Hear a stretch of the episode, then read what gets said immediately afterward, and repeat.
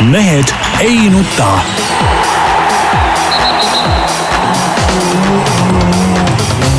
mehed ei nuta. tere teisipäeva, Mehed ei nuta eetris, aga mitte tavalisel ajal, me teeme selle, seda saadet linti, sellepärast et äh, Eesti Jalgrattaliit on näidanud üle, üles erakordselt tontlikkust ja seadnud pressikonverentsi täpselt teisipäeval kella üheteistkümne peale. Olles on hämmastav, et härra Karlsson on meie vana kuulaja tegelikult ju. Just. jah, aga, aga, aga ilmselt ta ei, ta ikkagi ei jaga liini ja mingisugused jamad seal on, nii et me oleme siin hommikul stuudios, väljas vihma sajab ja aga üldiselt on lahe olla no ei saa küsimata jätta kohe, Peep, sa tulid täna hommikul tööle, on ju, kas ikka peatasid oma auto taas kord seal Haabersti Remmelga või Paju, kus, kumb iganes ta on, selle juures kallistasid seda ja, ja laulsid võib-olla väikest äh, soigu sinna juurde, et ema puu, ema mis kõik asjad? vaata, ma olen, ma olen nagu normaalne inimene, ma lollustega ei tegele, eks ole. ja täna hommikul ma sealt mööda ei sõitnud, sellepärast et äh, seal on äh, pikk autode rivi, kasutan siin osavamaid nõkse läbi Õismäe tulekul, küll aga eile õhtusel oli mingi hullukari oli, oli jälle koos ja, ja see triangel kestab seal edasi ja ma ei saa aru, kaua see, see kuradi jama seal kestab, no võtke see puu maha. Üks päev oligi mööda sõites, lasin akna alla ja, ja hüüdsin ka neile, et, et kaduge minema siit, noh, et kaua te jamate sind, noh. noh aga ei no,. ei kadunud või? ei ole kadunud. aga ta ei kuula sind või? aga ma ei saa aru, kas inimesed tööl ei pea käima või, või mingit kohustusi nagu ei ole, et saavad mingi lollusega tegeleda. ei no aga see ongi ju Y-generatsioon kes elab vanemate kulul. ei, need ei ole, need ja, ja seal olid pigem Peebu vanused inimesed. Mingid sorakil juustega paljasjalgsed mingid kummalised kujud. ei no aga põhimõtteliselt öeldigi, et, et ega seal ei ole looduskaitsjatega tegu, seal on mingisugused eh, nii-öelda eh, hipi liikumise järel lainetused, et nad lähevad sinna, noh, ma ei tea, seal võib-olla mingid tüübid elavad oma mingit kunagist noorust võib-olla välja. no mäletad nagu Forest Gumpi filmis, ühel hetkel Forest Gump hakkas jooksma, vaata ja, ja siis, ja siis käi-, ja siis kõik jooksid kaasa, noh. Ja no värske õhk iseenesest on ju täitsa nagu äh, hea keskkond, kus olla. tegelikult on kahju, et me tänasest mööda ei tulnud, sest vihma äh, kallas nagu oavarrest, ma oleks tahtnud näha, kuidas sa oma telkides ulbivad seal. Jaa, aga tegelikult on see ju äh, tõesti totter. Või eriti veel selle valguses, kui eile anti teada, et kogu see tee nii-öelda ümber puu viimine läheb maksma üks koma viis miljonit eurot kallimaks ja, ja selle peale teatati ka see, et, et puu niikuinii sureb ära, et, et no, loomulikult puu sureb ära, esiteks, kujuta ise ette nüüd on sild, viadukt üle selle risti, eks ole, on lihtsalt mingi puu pärast on tehtud tee sisse mingi jõnks. no aga kui staadionil on ka veel ju puu staadion, see on nagu looduslik kaitsemäng ja noh, see on nagu selge Orissares, see on nagu, see on nagu klassika no aga see on ka, et sa saaksid ja see muuseas seal, minu meelest, ega see mitte tamm ei ole ja, ja seda küll. aga tamm on ikka puu erinevalt pajust, mis on, no, mis on tegelikult nagu risu, risumets. siin sa muidugi eksid, siin sa eksid muidugi. aga sulle vana rallimehena võiks ju ka meeldida siuke jõnks väike sealt ees. mina saan oma Vasalemma ralliradadel ja kaardiradadel seda eh, jõnksu saad teha nii palju, kui süda lustib. mul ei ole vaja maantee peal sellega tegeleda. Jah, aga, aga tõesti siit soovitus, et minge parem istutage puid, aga ärge seda ühte paju seal küll nii väga kaitske. ei no siin see, mul eesnimi on meelest läinud, Hanso see arborist eile ju ütles väga hästi, et äh, puu tuleks ikkagi maha võtta, aga sealt saab nii palju vits vi,, nii-öelda vitse, mida maha torgates hakkaksid kõik uued puud kasvama. no just seda ma ütlengi, just. nii, kuule, aga tont selle puuga, räägime parem asjalikest asjadest. Ja Anett Kontaveitsis äh, eriti kõva oli, sel nädalavahetusel võitis esimese WTA turniiri äh, Hollandis. okei okay,, noh, seal on nii, et, et liiga tugevaid mängijaid äh, kohal ei olnud, aga sellegipoolest, mis ta näitab, et et täiesti kahtlemata nii maailma kolmekümnes, neljakümnes, viiekümnes mängija on, on tema jaoks nagu korra võtta. no, no päris korra võtta muidugi ei ole, aga ta ise ongi tõusnud juba ju, ju neljandasse kümnesse, eks ole, ja, ja see ongi, ongi tema tase, ongi nüüd vaadates selle tabeli kohta, peabki neid võitma või mängima nendega võrdselt, et see on nagu loogiline jah, aga nagu äh, nii see turniir kui ka teine samal ajal toimunud WTA turniir näitas, kus äh, Joanna Konta kaotas finaalis vist maailma, mis ta oli, mingi kuuskümmend, seitsekümmend või midagi sellist. eile just õhtul äh, vaatasin selle mängu lõppu veel. ja Aneti finaali vastane omakorda Den Boschis oli ka kusagil sealsamas kandis. et just nagu mingi laine on tulemas praegu, kus seal Kontaveidid ja, ja, veel päris terve rida tennisiste on tulemas sealt tagumistest kümnetest ettepoole ja on võimelised, nagu Kontaveit ise on ka näidanud, on võimelised võitma noh, tegelikult ka esikahekümne või kümne mängijaid. ja absoluutselt ja, ja kui me vaatame seda, et, et Jelena Ostapenko võitis lausa Prantsusmaa lahtised, tema edetabeli koht oli ju ka tol hetkel mingi kolmkümmend pluss, on ju. ja Kontaveit on tõesti nende mängijate reas, kes võivad tõusta turniiridel suurematel turniiridel kõrgele, väiksematel turniiridel võita, noh, kindlasti me ei hakka ju Kontaveiti praegu Wimbledoni soosikuks pidama, aga ta võib seal, kui ta saab hea loosi, noh, ma ei tea, veerandfinaal, poolfinaal. no ta ise on öelnud, et murul mängimine meeldib ka, aga, aga mis Kontaveidi juures on huvitav, on see, see treeneri fenomen, et, et nüüd ma olen nagu mitmel korral pannud tähele seda, et kui tal hakkab mäng kiiva kiskuma, kutsub treeneri nii-öelda vestlusele ja pärast seda nagu uuesti sündinud ja mitte mingit äh, varianti pole vastasel vastu hakata enam.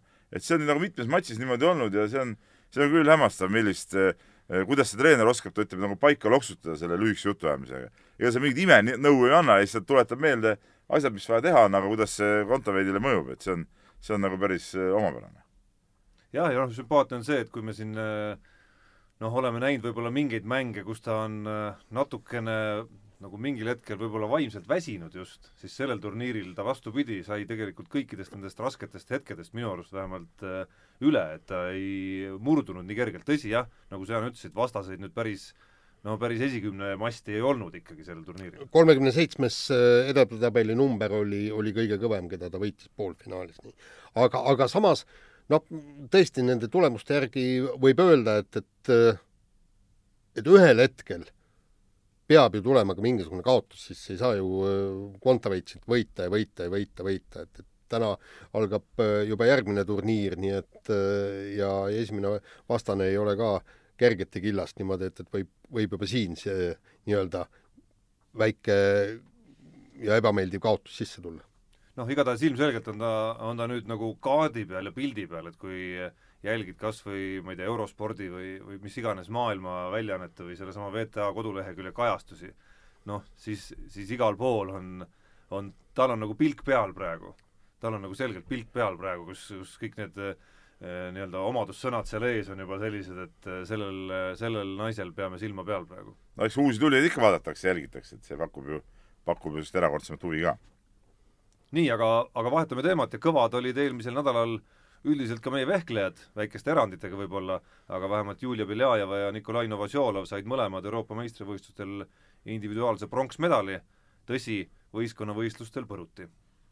jah, no ütleme kõigepealt, kui me, mis me pronksidest räägime, siis noh, Novosjolovi headus on teada, et, et et kui ta vähekenegi terve on, noh, siin ütleme niimoodi, et, et võistkonnavõistlusel seljavigastuse tõttu ei võistelnud, aga no ei tea, kui, kui no see jättis natuke kahtlase mulje muidugi. see, see jättis kahtlase mulje, eks, aga, aga kui tal on ikkagi hoog sees, siis ta võib kindlasti, kindlasti jõuda medalitele, aga, aga, aga mis väga rõõmustas, oli see Julia Beljajeva individuaalne pronks pärast kaks tuhat kolmteist, kui ta maailmameistriks tuli, et sealt, sealt tuli nagu alamägi ja nüüd isegi selle aasta jaanuar oli ju täielik põhi käes. ta ei pääsenud Tallinnas MK-etapil isegi põhiturniirile ja, ja siis, siis sai peas asjad paika, nagu ta ütles, et, et hakkas asja hoopis teistmoodi võtma, just psühholoogiliselt valmistuma nendeks matšideks ja ja, ja nüüd siis pronks oligi eh, nii-öelda tõusu, ma loodan, et üks osa, aga mitte see tõusu tipp ja, ja eriti kahju on muidugi see, et, et läksid ju öö, omavahel kokku juba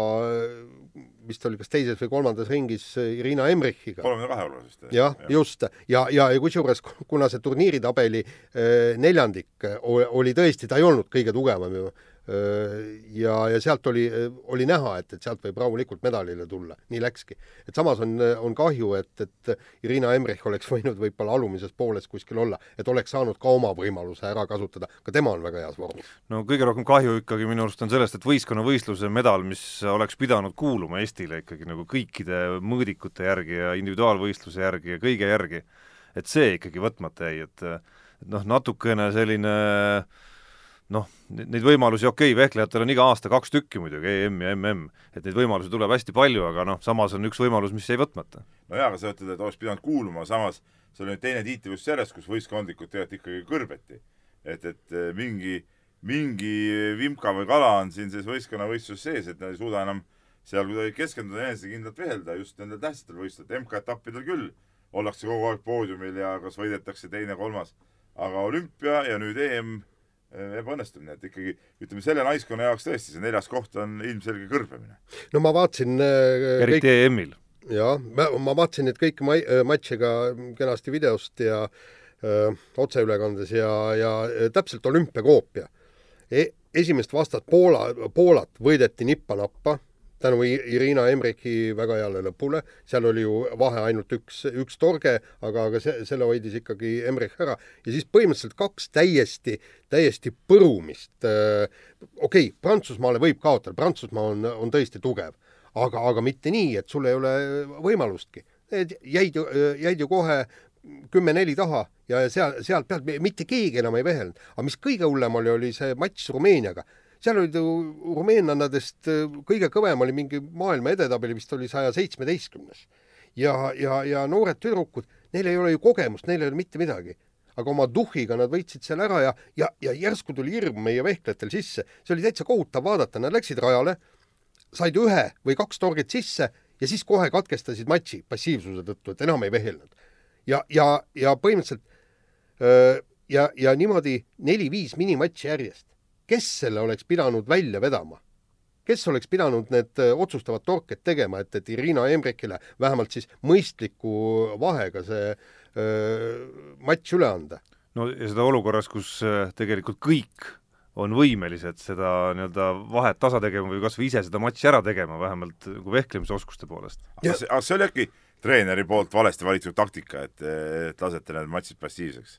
ei, seda ei lasknud treener, seda ei lasknud treener, seda ei, nad ei saa ise oma peaga ei, nad, nad said, Irina Emrich ütles ju, et neil tuli hirm sisse, et ma lähen rünnakule, saan ühe torke, lähen äh, rünnakule, saan teise torke ja siis järsku tekib hirm, et kui ma nüüd jälle rünnakule lähen, saan jälle torke sisse.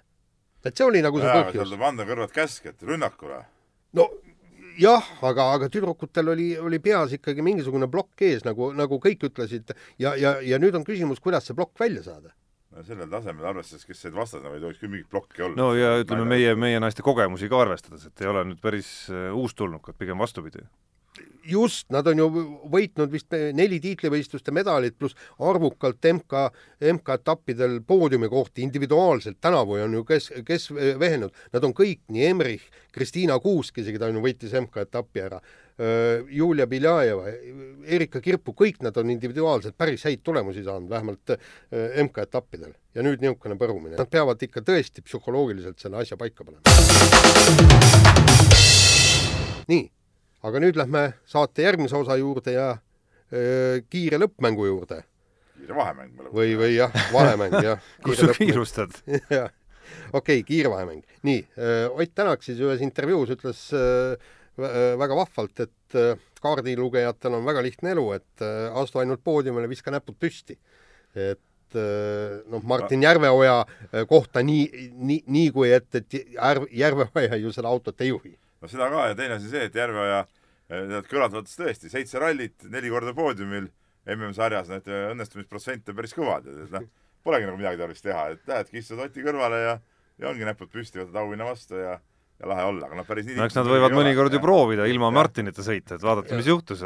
tõsi, Martin Järve andis ise ka eelmisel nädalal Peebule intervjuu, noh, eks ta ise lõõpis ka sellel samal teemal natukene ja sai aru, et ütleme, tema on asendatav ja, ja Ott ei ole asendatav.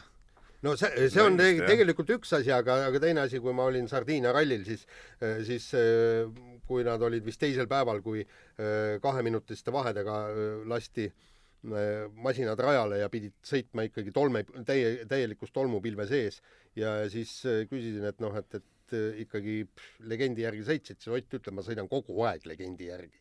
et põhimõtteliselt siin ei ole ikkagi noh, ilma hea kaardilugejata ei jõua paraku piloot mitte kuhugi.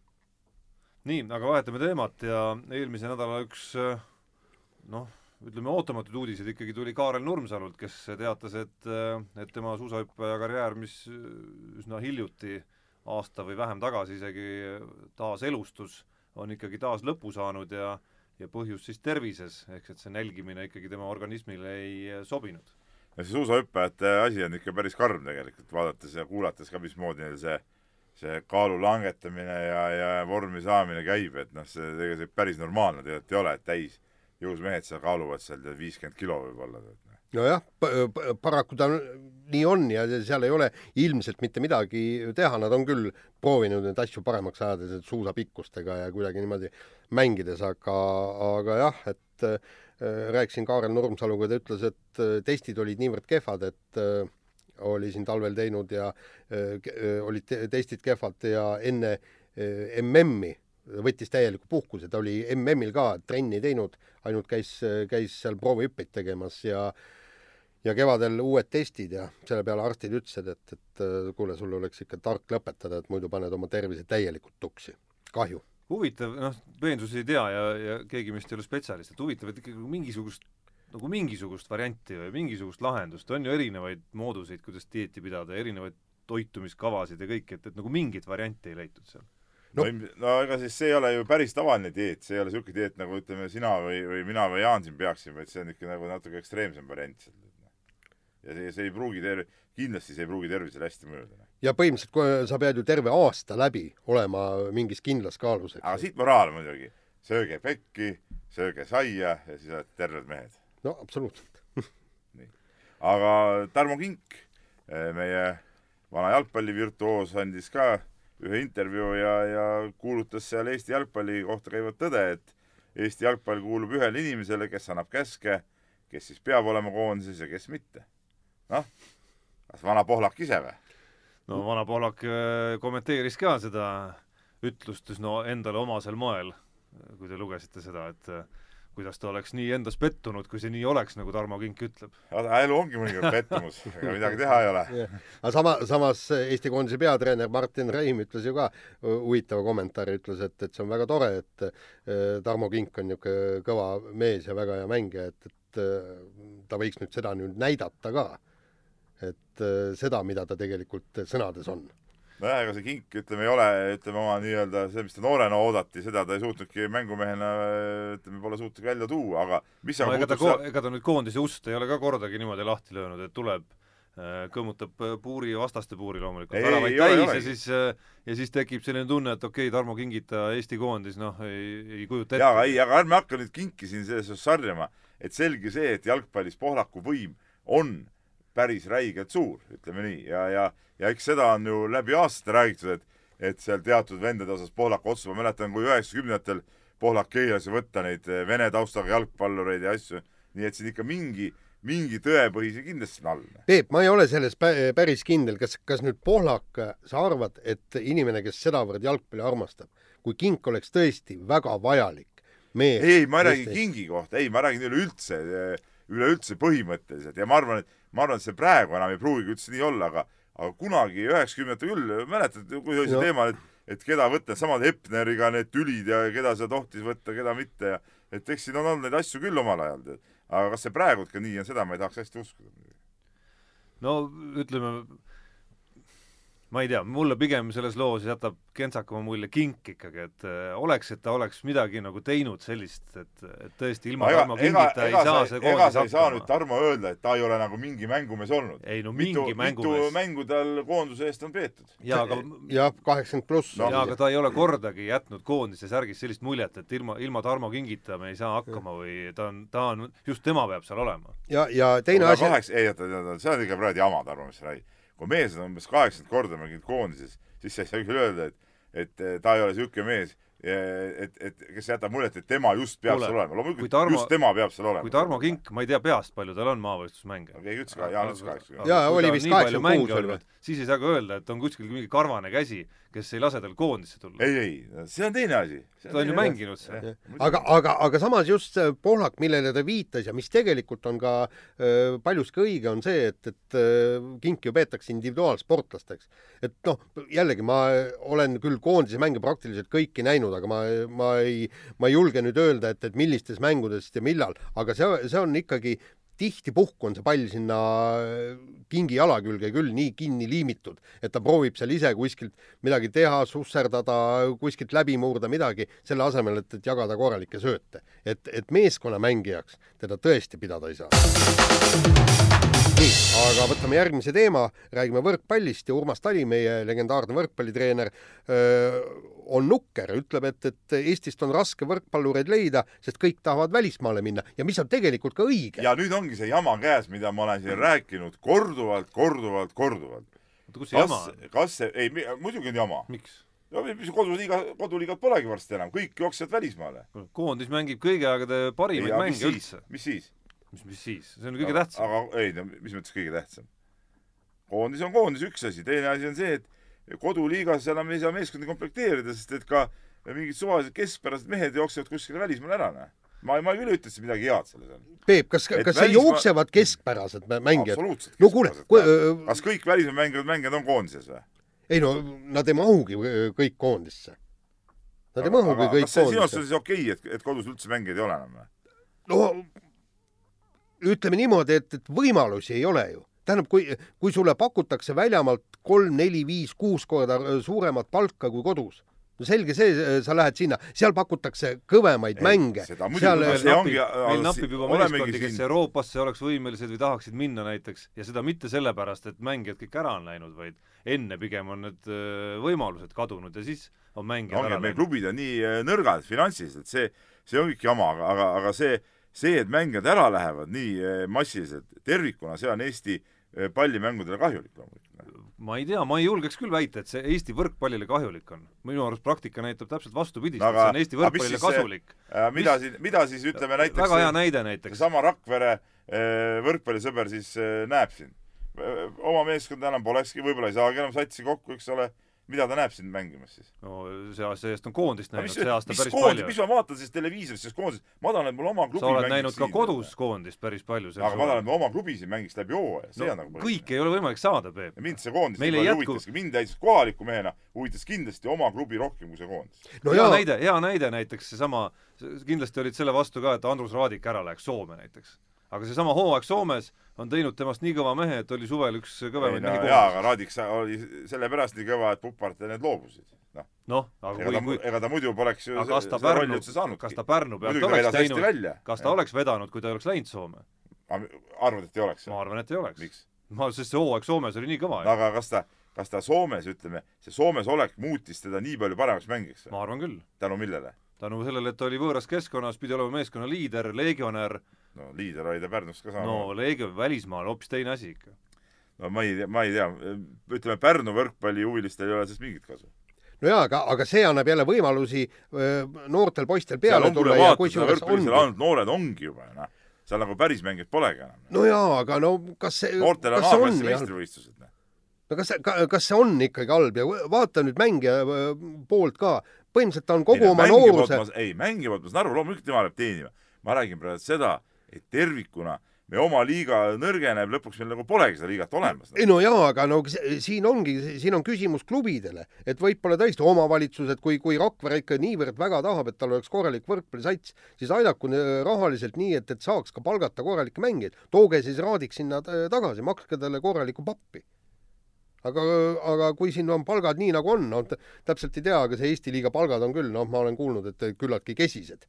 no ikka väga siis. no just noh ja, ja sa oled oma nooruse öö, tuuri pannud, on ju kõik ja sa tahad, tahad ma korralikult pappi teenida mängija. seisukohast ma saan muidugi aru, aga ma räägin tervikuna, kui me lõpuks enam liigat pole, kes pole võistkondi, kes pole kedagi, kes seal mängiksid või kui mängivad nad amatöörid, no siis nagu ei ole asjal nagu kas äkki targem oleks üks superklubi teha ja proovida hakata tõesti mina olen alati ühe superklubi poolt, absoluutselt. ja aga, aga siis, siis tuleb talle leida ka mänguvõimalust, sest äh, see Balti liiga ei ole nüüd küll lahendus, et siis ta peaks mängima tõesti Venemaa esimest, esimest liigat ja proovima sealt No, kõrgliigasse minna. seda korda räägitud, aga see ei jõutud. nii, nii, ja kiire vahemängu, mis täna nii kiire ei olegi olnud, vaid läheb päris pikaks. selle lõpetuseks peame tunnistama, et hõiskame, mis me hõiskame siin, aga Läti on meist ikka igas mõttes ees, Jelena Ostapenko teadupärast võitis Prantsusmaa lahtised meistrivõistlused, neil on äh, Kristaps Porzingis, NBA staar ja nende kes hoki- muid, muide e- EM-ile pidi tulema tuleb. ka EM-finaalturniiril, lätlastel ootused on ikka väga kõvasti. Nende hokimeestest me ei hakka üldse rääkima, aga kõigele lisaks selgub, et Cristiano Ronaldo pidi ka nüüd Läti neiuga sebima. Ronaldo Läti koondisse, Jah. aga miks ka mitte. Aga huvitav, et mikspärast, et mingi lätlasega sevib, et, et kas me- meil ju Eesti leitakse, et, et Eestis on ju Euroopa kõige kaunimad tüdrukud ei tea, vaata, kui sa Riiavaal ikka jalutad, siis seal ikka silm puhkab, Jaanike. no aga, no jaa, aga meil ei puhka siis või? ei no meil puhkab ka, ma räägin, seal on ka puhkab. sest Ronaldo on ju aga Tallinnas ka käis ju käinud. Lätis mängimas just. ei no aga ta on ju, Ronaldo on ju ka Eestis no käinud. võib-olla ta on siin mõne Eesti tüdrukuga ka siin tead teinud äh, igasuguseid võtteid, ega me ei tea seda kõike täpselt, aga see tuli nüüd välja, see Läti, Läti et võib-olla. Läti, võib-olla Läti lihtsalt jõudis meile järele praegu Jah. selles vallas. no see on lootus on. nii, aga läheme nüüd siis edasi ka kolmanda osaga ja Peep, kirjad on sul ette kirjad on ja kirju on siin muidugi, muidugi palju ja saab sarjata meie Rubilniku vend, kes siin nurgas parajasti kükitab, et, et see häälevärk on meil siin kehvakene, et ei ole õigeid mikrofone ja, ja küll, küll äh, krõbiseb ja krabiseb ja, ja, ja mis siin ikka, tuleb panna puid alla, ütleme, mees, mees ei valda veel seda eeblite teemat. ja, no tegelikult äh, see põhirubilnik on isegi minu käes siin ja ma vaatan siin Peebu häält kogu aeg, seda kõverat, mis siin jookseb. et sa lihtsalt äh, kontrolli oma häält natuke. ei vaata, mehe hääl peabki olema nagu on? metsapulli pasund, et noh. Jaan, vana rahulik mees räägib kogu aeg ühtemoodi, ma vaatan tema kõverat, see läheb no kogu ja, aeg ühtemoodi. aga sa nagu, lihtsalt Jaani jutt ongi nagu susi. vahel sa sosistad ja siis hakkad, kukud karjuma, nii nagu sa seal äh, arbori-, arboristide juures, ma ei seal, sosista äh, kunagi. seal Remmelga või Paju, kumb iganes ta on juures. nii, aga lähme edasi, Sauna Madis kirjutab ja kirjutab Aulikutele ja Jaanile, ehk siis Aulikud muidugi mina ja Tarmo, Jaan lihtsalt siis no ütleme nagu alamklassi esindaja. see ei kõlba küll kuskile, et üks habemik ajakirjanik otse-eetris piipu popsib. Mis eeskuju see meie noortele annab, kes ka kahtlemata saate, saatepubliku hulgas? Jaan. Äh, see ei ole esiteks piip, see on e-sigaret ja teiseks on see, et, et siin sees on tavaline veeaur, et siis põhimõtteliselt äh, noh, kui kohviauru nagu sisse hingata ja välja hingata, see teeb põhimõtteliselt sama välja. nikotiini sul ei olegi seal sees? ei no midagi võib-olla on, aga ei, aga ega see, see ei ole ju nüüd see ei ole oluline. primaarne, ma saan see ei ole primaarne, kusjuures, aga mis siis oleks parem, kui ma huuletubakat äh, kasutaks, muide, ei, parem oleks, kui sa üldse seda ei teeks. Ja miks? mitte kumbagi ei teeks. ega närvid nii läbi teiega siin äh, koos äh, olles ja selle, elades. selle jaoks Jaan on alati üks, ma tean, sulle No- mehkib ka, sa oled siuke viskimees, eks ole, sa ikka iga õhtu seal väikse sutsaka endale valad ja No see ja- on piisav. no jaa, aga ma ei saa ju praegu seda valada, mul on, no, mina luban su töö juures ka võtta, mina ei näe no kuule, mina aga selles siin nagu siin mingit saates, probleemi ei siin saates Jaan on lubatud. jah, Jaa, kuulge, kui istume seal oma seal äh, koopas, seal kirjutame lugusid minu pärast, võid seal ka tinistada, ei ole selles mingit probleemi. ütleme niimoodi, et, ütled, et on õunamahl vaatajate jaoks, eks ole, kes kuulavad, noorte, noorte raadiokuulajate ja televaatajate jaoks, aga aga tegelikult on viski. ütleme niimoodi, et, et kui ma niigi ajan üsna segast juttu, onju, siis pärast seda ise ka, viskit nüüd on ise ka aru saanud. siis nii hästi hea, nii ja võtame ühe kirja veel ja, ja jutt puudutab tegelikult seda võrkpalli raha eraldamist, mida, mida me lahkame viimases osas, aga siin on toodud hea detail välja, see tuleb kirjana kindlasti ette lugeda, et et em, Eesti võrkpalli murede võti on näitlemises. miks sai Jalgpalliliit valitsuselt raha, et korraldada üks jalgpallimatš, aga Võrkpalliliit ei saanud raha valikturniiri korraldamiseks? vastus on ilmselge. meie kultuuri- ja spordiminister on ju näitleja ja keda me teame kõvade näitlejatena, ikka jalgpallureid. noh, no eelmises saates ma meenutan, oli meil ka kiri just, kus võrkpallureid süüdistati Ei, no- selles samas patus no ei, no see, ütleme, see on nagu siuke nagu, kuidas ma ütlen, nagu, nagu väike valtskuse tegemine, aga see, ütleme, siuke põrandal rullimist, ma nagu ei mäleta, et võrkpallurid oleks kogu aeg vigastatud, nii-öelda vigastatud nagu jalgpallurid. Peep, küsimus on väga õige, aga ma arvan, et küsimus ei ole mitte näitlemises, vaid küsimus on selles, et ühe alaliidu ees, eesotsas on Aivar Pohlak ja teise alaliidu ots-, eesotsas ei ole Pohlakut. sest on kogu aeg räägitud ju, et, et kui kõik, kõikides alaliitudes oleks oma Pohlak, siis õitseks Eesti sport. no vot, aga nagu näha, Poolak siin tapab ka seda mängu, nagu me siin ennem, ennem just arutasime, oma ala tähendab.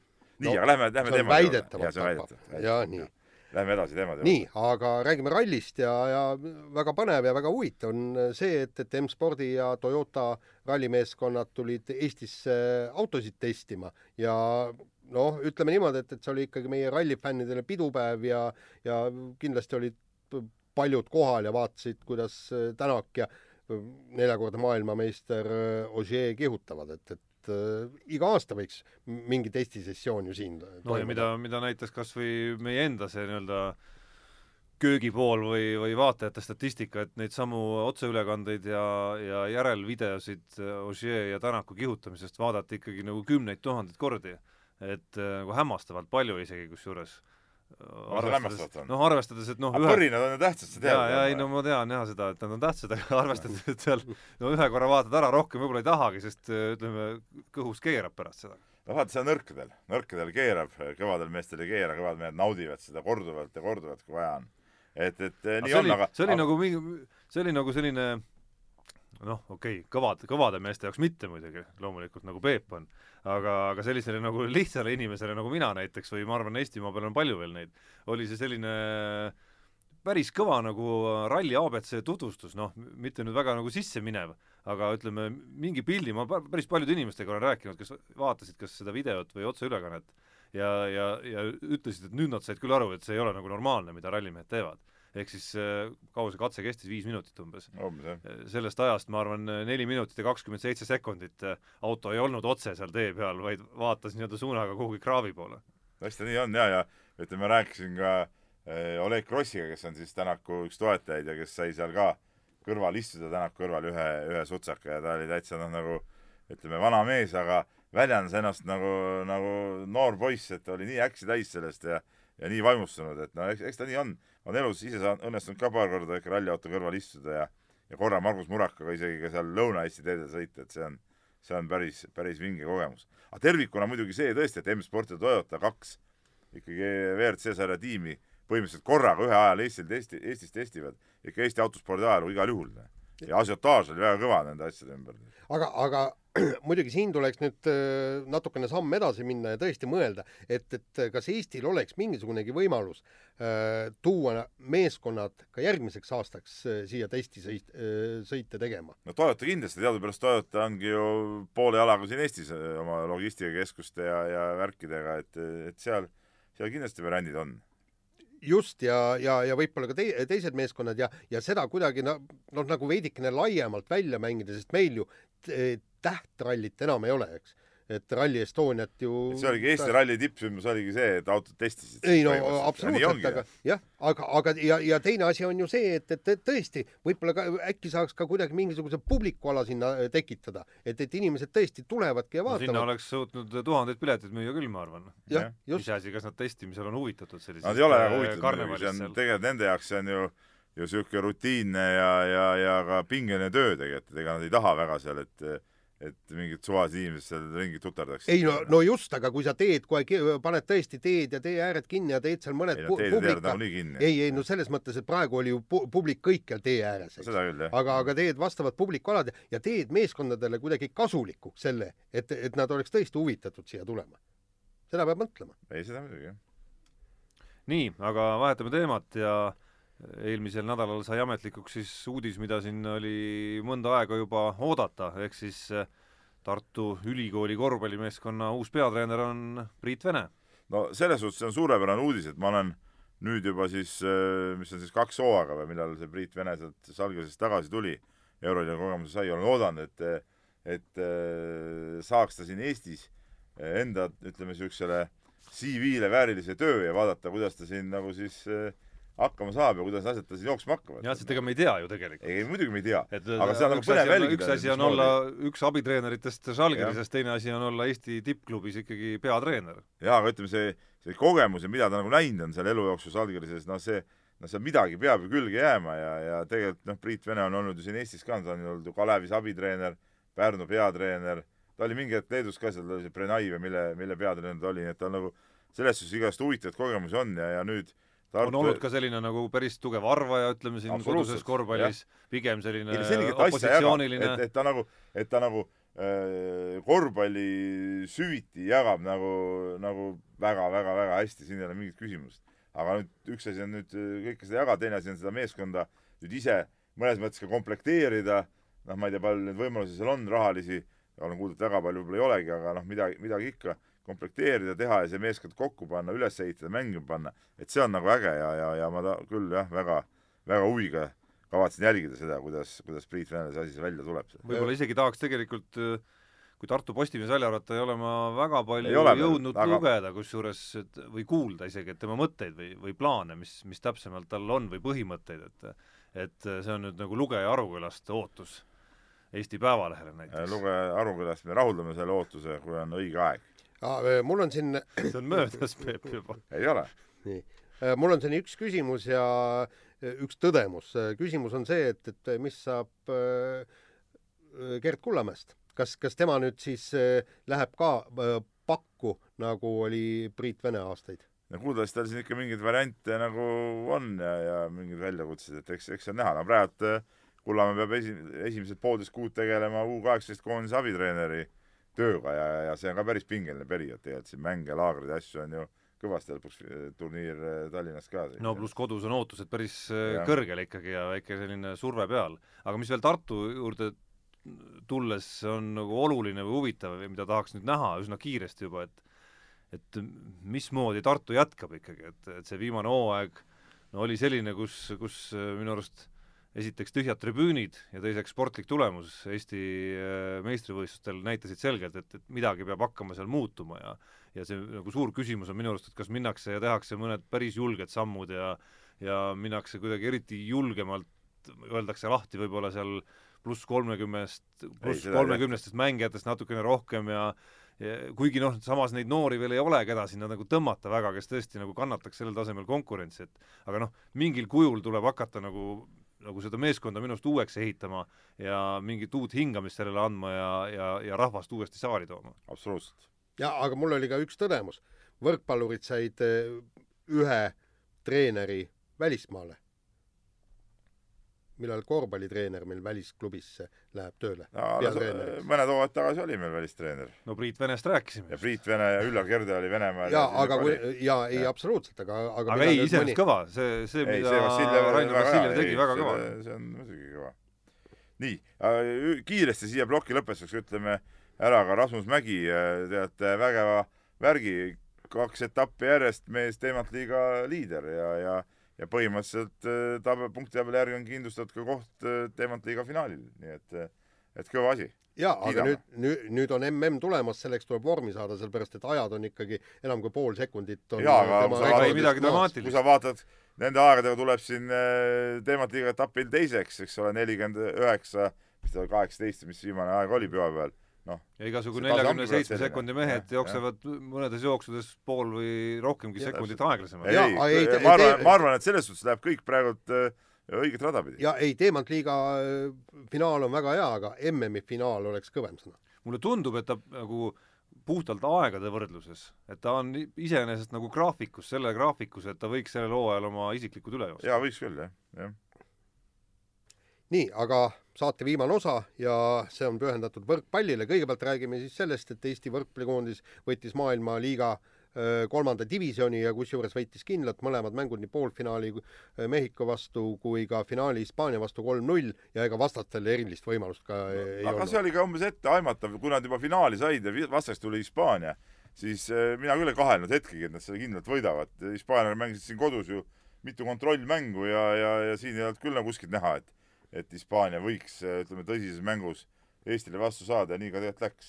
ja tegelikult, kui me vaatame Eesti võrkpallikoondise taset, on selge, et, et äh, nad on ikkagi maailmaliiga teise divisjoni meeskond. et, et seal selge, et enam ei ole niisugust hurraa ja lillepidu.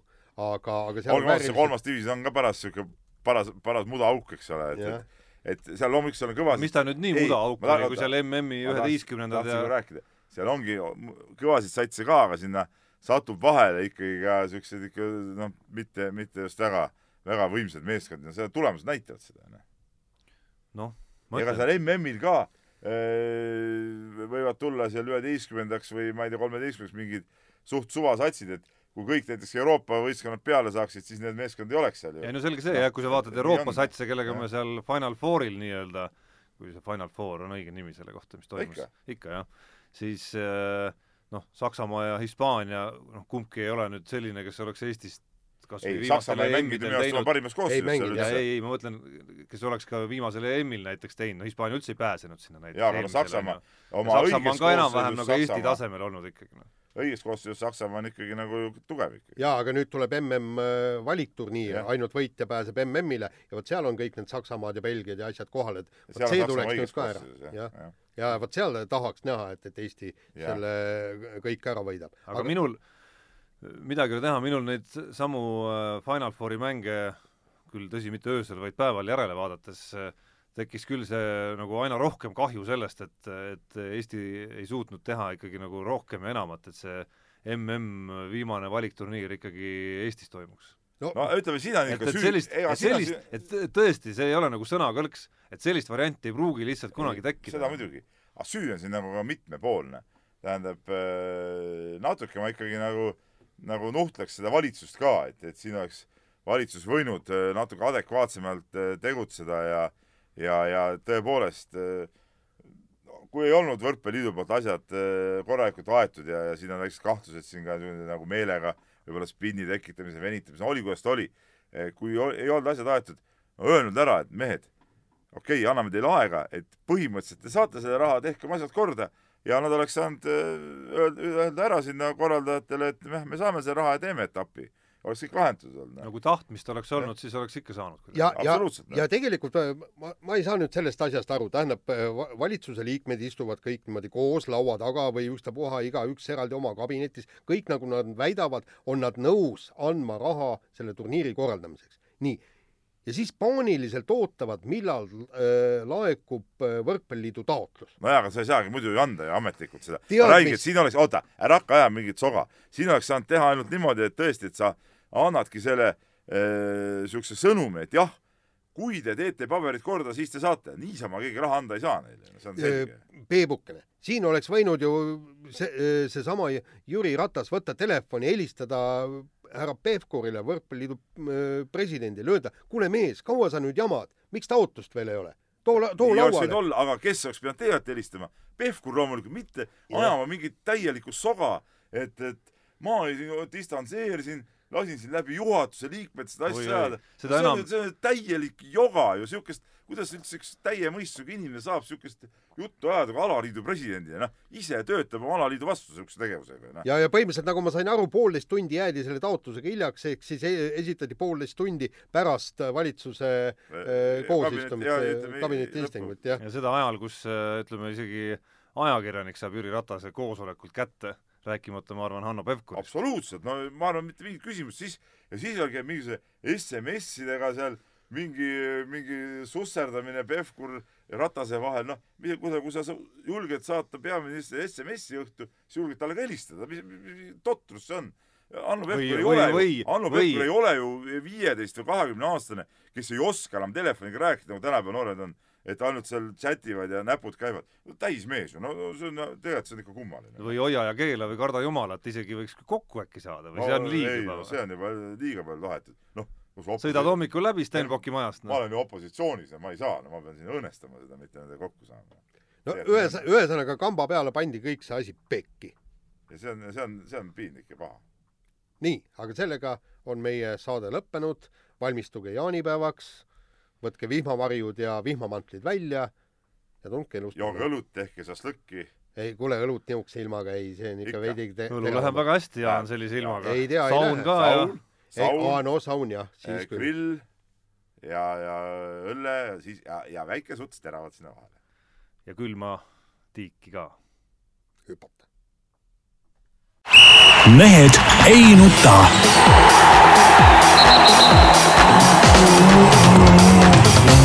Mehed ei nuta